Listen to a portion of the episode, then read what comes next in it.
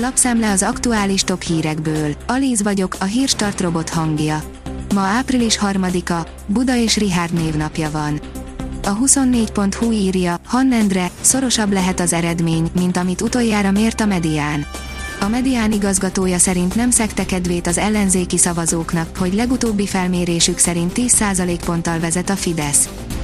A G7 oldalon olvasható, hogy a leginkább fideszes választókerületekben 9 óráig nagyobbat esett a részvétel, mint a legkevésbé kormánypártiakban. A 2018-ban leginkább kormánypárti választókerületekben többen szavaztak le 9 óráig, de így is nagyobbat esett a részvétel ezeken a helyeken. Az átlátszó írja, itt követheti a részvétel alakulását és mindazt, amit ebből tudni lehet. Megnyitottak a szavazóhelyiségek. 9 óráig a választók több mint 10%-a adta le a voksát. A napi.hu szerint választás, Ukrajnából is üzennek a magyaroknak a szavazás miatt. A Twitteren sorra posztolnak az ukrán civilek, hogy Magyarországon a választáson szavazzanak Orbán Viktor és kormánya ellen az emberek. Sokan a harcok borzalmairól posztolnak fotókat, és kérnek minden magyart, hogy szavazzanak az ellenzékre. Az m4sport.hu írja, a Barcelona támadója koronavírusos, kihagyja a Sevilla elleni rangadót. Az FC Barcelona hivatalos oldalán közölte, hogy elkapta a koronavírus fertőzést Luke de Jong, a csapat holland támadója. Az Agroinform oldalon olvasható, hogy elárulta a séf, hogy miért nem eszik meg a gyerekek a zöldségeket. Friss tavaszi zöldséges fogásokkal indult idén az Európai Friss Csapat, az Ízek Ereje program. Stratégiát vált Putyin, már csak egy területre koncentrálhat, írja a vg.hu. Moszkva elsődleges célja mostantól a Donetsz-medence és a többi kelet-ukrajnai régió feletti ellenőrzés megszerzése. Amerikai hírszerzési információk szerint Putyin május 9-én győzelmi ünnepséget fog tartani, függetlenül a háború vagy a béketárgyalások eredményétől.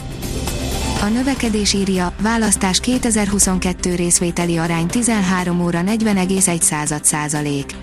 A választásra jogosultak 40,1%-a, 3 millió 78 szavazó járult az urnákhoz a vasárnapi országgyűlési képviselőválasztáson 13 óráig a Nemzeti Választási Iroda adatai szerint. A portfólió oldalon olvasható, hogy Kim Jong-un huga súlyosan megfenyegette Dél-Koreát. A dél-koreai védelmi miniszter pénteken azt mondta, képesek lennének csapást mérni Észak-Koreára. Fennyan elítélte szavait, hozzátéve, elpusztítják a főbb szőúli célpontokat, amennyiben veszélyes katonai akciókat, például megelőző csapást hajt végre az ország területén, írja a Reuters. A vezes oldalon olvasható, hogy begőzölt a gyorshajtóktól, kézbe vette a dolgokat. Megunta egy brit édesapa, hogy az otthonánál nem tartják be a sebességhatárokat, így jutott arra az elhatározásra, hogy önkéntes trafipaxozó rendőrnek áll. A hírklik oldalon olvasható, hogy Schmidt Mária leckéztetni akarta John Cleese-t, nem kellett volna. Több külföldi sztár is szavazásra buzdítja a magyar választópolgárokat, hogy szavazzanak Orbán Viktor ellen.